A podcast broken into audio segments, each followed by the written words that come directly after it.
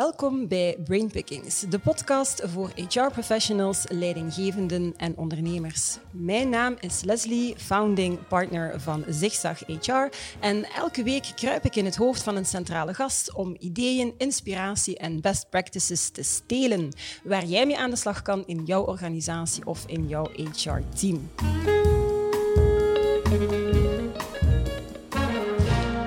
HR-professional of als leidinggevende of als ondernemer ben je best ook wel beslagen in alles wat te maken heeft met sociale wetgeving en arbeidsrecht.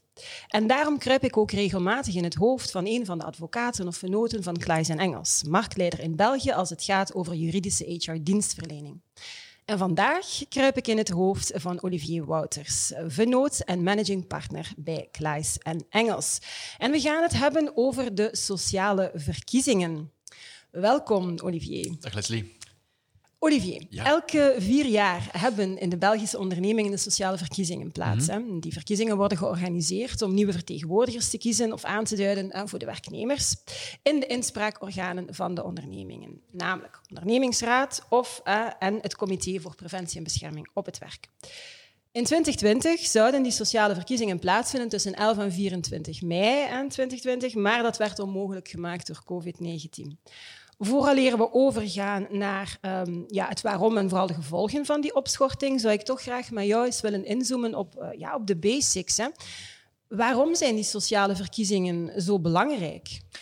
Wel, die sociale verkiezingen zijn belangrijk om uh, representativiteit te geven aan, aan de mensen die voor de werknemers eh, opkomen, zal ik maar zeggen, in het bedrijf. Hè. De werknemers krijgen om de vier jaar de kans om hun eigen vertegenwoordigers te kiezen, om dan in overleg te gaan met de werkgever. Mhm. Bedrijven met minstens 50 werknemers moeten verkiezingen organiseren voor een comité voor preventie en bescherming op het werk. Mhm. Vanaf 100 komt er ook nog een ondernemingsraad bij.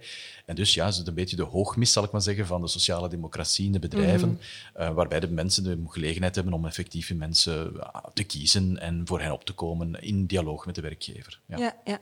Zeg, wat wordt er dan zoal beslist in een ondernemingsraad of, of in het Comité voor Preventie en Bescherming op het Werk? Ja, eigenlijk hebben die organen weinig beslissingsbevoegdheid. Het is vooral een consultatiebevoegdheid. Ze worden betrokken uh, op voorhand, vooraleer er beslissingen genomen worden. En voor de ondernemingsraad gaat het vooral over economische, financiële, sociale informatie. Denken we maar aan, een beetje actueel, er wordt een reorganisatie aangekondigd. Wel, dan zal de werkgever daar eerst in overleg moeten gaan met, met de werknemersvertegenwoordigers van de ondernemingsraad.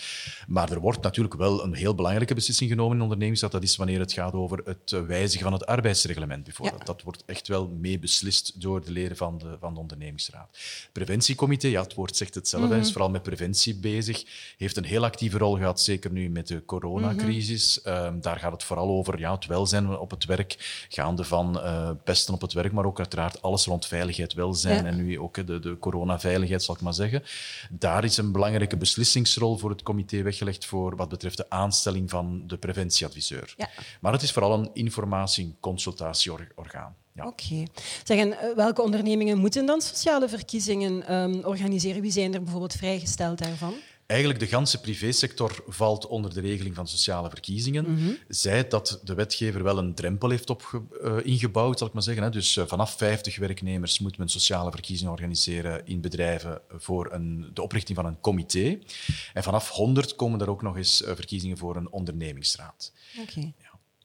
Ja. Um, kan je kort, want ik kan me inbeelden dat dat misschien vrij, vrij technisch is. Kan je het verloop van zo'n verkiezingsprocedure wat schetsen, misschien met de belangrijkste data of etappes die daarin zitten? Eigenlijk zijn er twee speeldata. Wij noemen dat mhm. dag X en dag Y. Um, en de ganse kalender neemt eigenlijk 150 dagen in beslag. Die begint reeds al te lopen, normaal gezien in december. Hè. Voor de verkiezing van 2020 is dat allemaal begonnen in december 2019. Mm Moesten een aantal voorbereidende stappen genomen worden. En dan heb je eigenlijk twee grote data. Dag X die in februari 2020 valt en 90 dagen later dag Y die normaal in mei 2020 had plaatsgevonden. Mhm. Het hele deel voor dag X, dus dat al start vanaf december tot ongeveer februari dat gaat over de voorbereiding, een aantal kernbegrippen die moeten vastgelegd worden, zeg maar de afbakening van de technische bedrijfseenheid, de leidinggevend personeel, de lijst van kaderleden. Mhm. Ehm, En dan vanaf dag X begint men echt wel de, ja, het kiesproces zelf gaan voorbereiden. De kiezerslijsten samenstellen, de kandidatenlijsten vastleggen, um, de stembureaus vastleggen. Dat soort zaken, alsof het politieke verkiezingen zijn, ook het stembureau en dat soort zaken uh, gaan vastleggen. En dan de moment suprême is dan dag Y, hè, dus de datum waarop de sociale verkiezingen uh, gaan plaatsvinden. Het is een heel ja, administratieve procedure. Het zou, eh, als je werkgevers uh, hoort, en ik eh, steun hen daarin, zou het zeker wat kunnen verlicht worden. uh, omdat men, ja, ik zal, ik zal, een voorbeeld geven. Men gaat in het begin van de procedure eerst gaan vastleggen wat zijn de leidinggevende functies.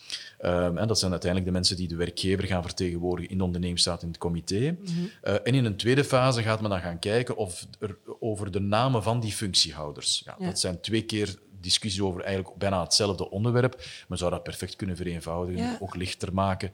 Want dat is vooral, uh, als je met werkgevers praat, is het vooral een administratieve last. Mm -hmm. Wat men soms onderschat, want er is ook een, een stuk strategie dat erbij ja, uh, te maken komt, uh, bij te kijken komt. Als ik denk aan ja, de afbakening van uw technische bedrijfseenheid. Bedrijven die ja, aan het schuiven zijn met hun structuren, gaan wel eens nadenken van oké, okay, mm -hmm. hoe wil ik mijn overlegstructuur gaan ja, dus de overlegstructuur moet afgebakend worden of, afgetoetst worden op, of afgestemd worden liever op de uh, beslissingsstructuur. Mm -hmm. um, ik ga je een voorbeeld geven. Als je, in heel veel bedrijven heb je één ondernemingsraad voor een heel groep, groep van vestigingen. Mm -hmm. In België, perfect. Dat loopt goed. Hè. Alle informatie zit centraal. Heeft, men heeft toegang tot alle economische en sociale financiële informatie. Uh, maar in een aantal bedrijven heeft men het welzijnscomité opgesplitst in verschillende uh, comité's. Ja. Um, en als dat een bedrijf is dat in, zal ik maar zeggen, in België dezelfde activiteiten heeft, ja, dan kan dat contraproductief werken dat men ja. met te veel comité's zit. Ja. En dat is een oefening die veel werkgevers om de vier jaar maken. En we begeleiden momenteel al werkgevers die ook al in hun verkiezing van 2024 aan het voorbereiden zijn om te zeggen van kijk, hoe willen wij, hoe willen wij onze overlegstructuur gaan organiseren naar 2024 toe. Ja. Dat betekent dat men bijvoorbeeld zegt kijk, het heeft geen enkele zin dat we verschillende comité's hebben, maar dat we naar één comité gaan. Want mm -hmm. het veiligheidsbeleid is boven en onder de taalgrens dezelfde. We hebben ja. dezelfde risico's. Denken aan winkelketen, dat soort zaken. Ja, de risico's zijn overal hetzelfde. Dus dat is het, ik zou zeggen een combinatie administratieve oefening, maar ook een strategische oefening voor veel werkgevers. En, en misschien ook een pleidooi dat ik zelfs in jouw betoog hoor, om, om dat zelfs nog meer strategisch te, te gaan bekijken dan louter en alleen Absoluut. administratief. Ja, ook over de lijst van leidinggevende mm. functies mm. bijvoorbeeld. Dat zijn de mensen die uiteindelijk ja, de werkgever gaan vertegenwoordigen in het overlegorgaan. Ja, daar is goed over nadenken van, zitten daar de juiste beslissingsmakers mm -hmm. en nemers in, in, het, uh, in, het juist, in het orgaan, zal ik maar zeggen. Daar wordt soms wat ja, te licht over gegaan, rap rap, omdat men ja, het er maar moet bijnemen. En dat is eigenlijk ook iets dat kan bijdragen tot de kwaliteit van absoluut. sociaal overleg. Ja, ja, ja, absoluut. Nu, um, de werknemersvertegenwoordigers die zetelen in die ondernemingsraad of in het comité en preventiebescherming voor het werk, die genieten ook ontslagbescherming. Ook hun plaatsvervangers en de kandidaat uh, werknemersvertegenwoordigers. Ja, die wet bestaat 30 jaar, denk ik, volgend, ja, volgend jaar. jaar ja. Um, ja, um, ja, kan je daar misschien wat dieper op ingaan? Wat houdt dat dan in, die ontslagbescherming? Wie zijn dan uh, beschermd? Wel ja, die wet bestaat uh, volgend jaar 30 mm -hmm. jaar en die is er eigenlijk op gericht om de mensen die opkomen voor, op, op de, om kandidaat te zijn van de, in de sociale verkiezingen, om hen een bescherming te geven, hè, om mm -hmm. hen niet monddood te maken, om hen toch wat te beschermen tegen eventuele representaties van een werkgever die zegt van ja, ik vind het niet fijn dat jij kandidaat bent of ik vind het niet fijn wat jij hier komt zeggen in ondernemersstad of in het comité, mm -hmm. je bent te kritisch. Dus die bescherming is voorzien. Alleen leidt die wel wat tot wat vrevel bij werkgevers, omdat op zich de doelstelling zelf, daar zal geen enkele werkgever aan twijfelen dat er een bescherming moet zijn. Alleen is die bescherming, ja, kan die leiden tot, zoals elke bescherming, tot excessen. Mm -hmm. Waarom? Omdat uh, vandaag in die wet voorzien is, en al 30 jaar, ongewijzigd, dat is dat men enkel maar kan overgaan tot ontslag wanneer het men te maken heeft met een dringende reden, hè, denk ja. aan diefstal, fraude, ja. die eerst erkend moet worden door de arbeidsrechtbank en daarna het arbeidshof. Dus pas dan kan een werkgever overgaan tot ontslag om dringende reden. Terwijl een niet beschermde werknemer, ja, daar zal de werkgever meteen zeggen, als je betwist, ga maar zelf naar de arbeidsrechtbank. Mm -hmm. Of om een economische en technische reden, maar daarvoor moet men eerst unaniem akkoord krijgen van het paritair uh, comité. Ja. Ja, paritair comité dat samengesteld is uit werkgeversvertegenwoordigers, maar werknemersvertegenwoordigers, de vakbonden die daarin zitten.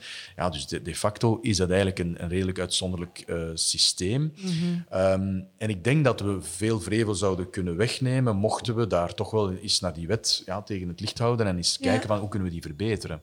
Ja. Um, persoonlijk denk ik dan aan um, een piste die we zouden kunnen naar voren schuiven. Dat is van, kijk, um, wel in die twee systemen, zowel de economische reden als, het, als de dringende reden, wordt het op voorhand afgetoetst hè, door een mhm. extern orgaan, het paritair comité of de rechtbank. Wel, ik denk persoonlijk dat het ook zou moeten kunnen dat men uh, kan overgaan tot ontslag als het ontslag absoluut niks te maken heeft met de syndicale activiteit. Iemand die, ja, een, een poor performer, zoals het dan heet, eh, waar we duidelijk vaststellen van, ja, die, die loopt de kantjes vanaf, of het gaat echt werkelijk niet in, in zijn mhm. of haar functie, ja, die zou eigenlijk ook moeten kunnen ontslagen worden, uh, met de gewone opzeggingsvergoeding uiteraard, of opzeggingstermijn. Um, maar om ja, daar andere excessen te vermijden, zou het goed zijn dat die ontslagreden eerst op voorhand wordt goed voorgelegd mhm. aan de arbeidsrechtbank een rechtbank die toch samengesteld is uit drie rechters, een professioneel rechter en twee mensen uit het terrein, zal ik maar zeggen, de twee lekenrechters. En dat zij op voorhand aftoetsen van wat zit er in het dossier van de werkgever. Zitten daar inderdaad aanwijzingen dat het gaat over iemand die al een, een, een improvement plan heeft afgelegd, maar het lukt mhm. niet, de mayonaise pakt niet meer, bij wijze van mhm. spreken. In plaats van en, ja, gewoon de persoon te laten zitten, omdat hij anders hè, hij is beschermd, hij kan niet ontslagen worden. En ik denk dat dat wel dat, daar, allee, dat dat zeker een, een, een, een, een sympathie kan creëren, ik zo zeggen, bij werkgevers, begrip althans omdat je dan op die manier ja, het ontslag ook objectiveert. Mhm. En zijn er geen redenen, ja, dan, dan, dan, dan mhm. blijft het gewoon business as usual en zal de persoon verder blijven te werk gesteld worden. Ja kan misschien een aanleiding zijn, naar aanleiding van 30-jarig bestaan, dat je dan nog eens op tafel. Uh, We gaan het nog eens proberen op tafel leggen. Een verjaardag van een wet is goed om achteruit te kijken, maar ook vooruit te kijken. Uh, anno 2020 denk ik dat er wel een klein beetje mag gaan gesleuteld worden, maar op een redelijke manier. Absoluut. Absoluut. Oké, nu, um, de ganse coronapandemie heeft in België ook gevolgen gehad voor de organisatie van de sociale verkiezingsprocedure. Hè. Ik denk 7000 ondernemingen in België waren geïmpacteerd, als ik het uh, goed uh, nagekeken heb. Nu, de nationale sociale partners die hebben um, in het voorjaar vrij snel uh, afgesproken om die procedure te gaan opschorten tot dit najaar nu. De opschorting, gevolgen daarvan werden wettelijk verankerd, nieuwe verkiezingsdata werden BKB bepaald. Wat is nu de juridische draagwijdte hè, van, van de opschorting van die procedure? En, en, en kan je dan toelichten hoe die dan nu hervat gaat worden, concreet? Wel ja, men moest wel die beslissing nemen om die procedure mhm. op te schorten. Hè, want die, die ganse procedure, zoals ik daarnet zei, tussen uh, februari en mei, dus al die stappen moesten nog gezet worden. Mm um, ja, en ja, met de lockdown light die, die de regering had afgekondigd, was dat eigenlijk niet haalbaar. Dus heeft men gezegd van kijk, laat onze procedure opschorten. Men heeft dat op een moment gedaan waarop de kandidatenlijsten al bekend waren in de bedrijven. Dat is de zogenaamde stap X plus 35. Hè. Dat is dan mhm. ongeveer midden maart. Wel, men heeft alle procedures uh, on hold gezet, bevroren zal ik maar zeggen, na X plus 35. Mhm. Op die manier was er rechtszekerheid voor werkgevers. Men kende de kandidatenlijsten en werd, werden die lijsten even in de koelkast geplaatst. En de idee van de opschortingswet, en nu ook het KB dat er is, is dat men eigenlijk de procedures gaat hervatten in het najaar. Concreet gaat men dag I de verkiezingsdatum gaan situeren in de periode 16 tot en met 29 november 2020. Mhm. Wat betekent dat concreet? Wel, men gaat kijken in de kalender wanneer men uh, verkiezing moest organiseren op 11 mei 2020, wel, dan zal automatisch de verkiezingsdatum vallen op 16 november 2020. Dus men heeft eigenlijk ervoor gezorgd dat de nieuwe data inpassen in, het, in de oude kalender. Okay. En dus alles schuift op. Um, en zal dus de werkgever de procedure moeten hervatten op X plus 36, de nieuwe X plus 36, en die vindt plaats uh, halverwege september.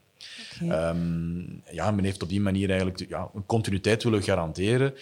Vooral omdat ja, het onmogelijk was om de verkiezingsprocedure te laten doorgaan tijdens de lockdown. Ja, veel mensen waren ofwel aan het telewerken of waren op technische mhm. werkloosheid. Dus ja, het was, niemand, het was voor niemand mogelijk om de procedure eigenlijk op een serene manier verder te volgen. En dus ik denk dat dat een goede oplossing is. Ja. Oké. Okay. En wat betekent dat dan voor de huidige overlegorganen en voor de huidige beschermde werknemers? Wel, voor de huidige organen is het eigenlijk zo dat men beslist heeft van kijk, die zijn nog allemaal uh, van toepassing, dus die zijn nog allemaal bevoegd. Hè. Dus de huidige organen blijven bevoegd totdat er een nieuwe ondernemingsraad en een nieuw comité zal geïnstalleerd worden.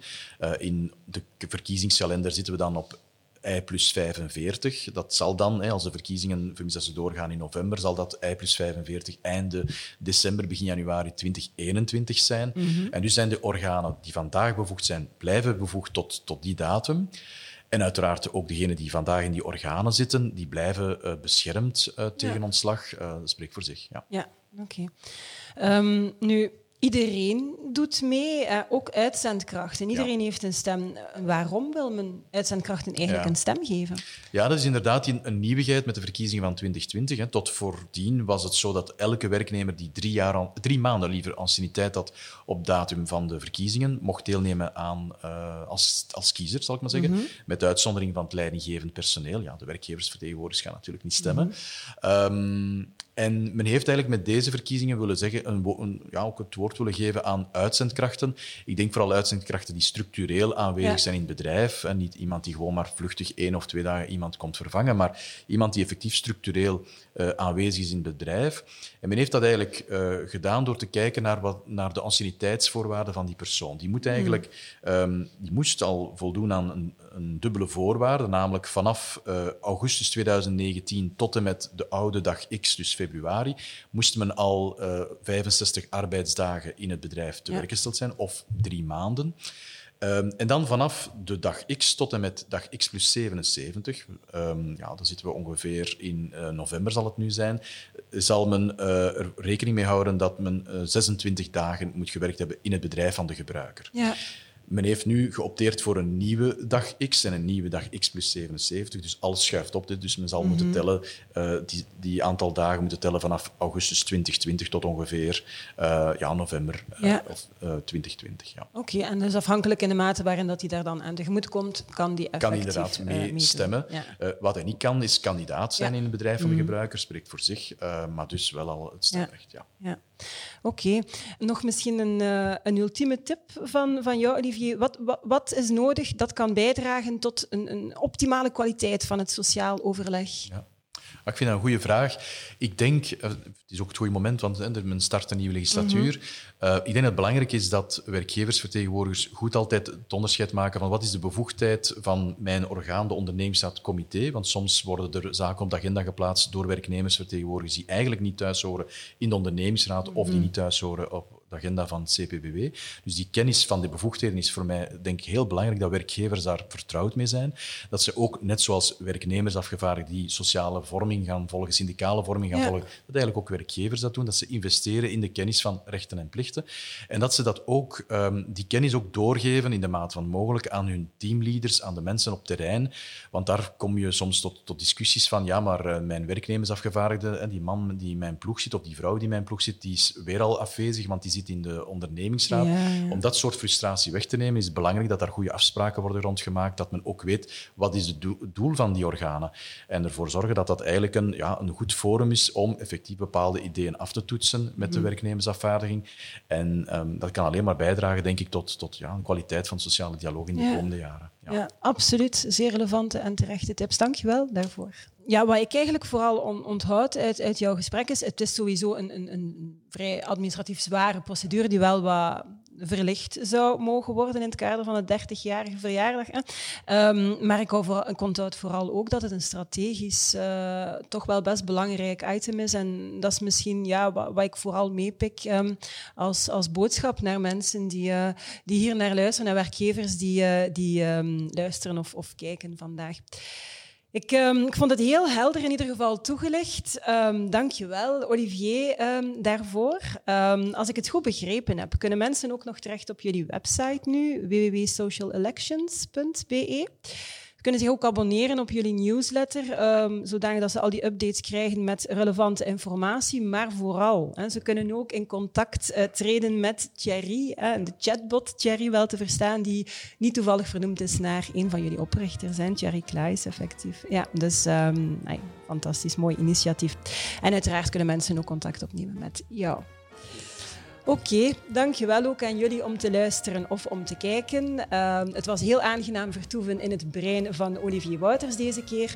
Vind je het interessant en relevant om regelmatig dergelijke updates te ontvangen? Abonneer je dan zeker op deze podcast of abonneer je op ons YouTube-kanaal. En ondertussen, don't forget, it's a great time to be in HR.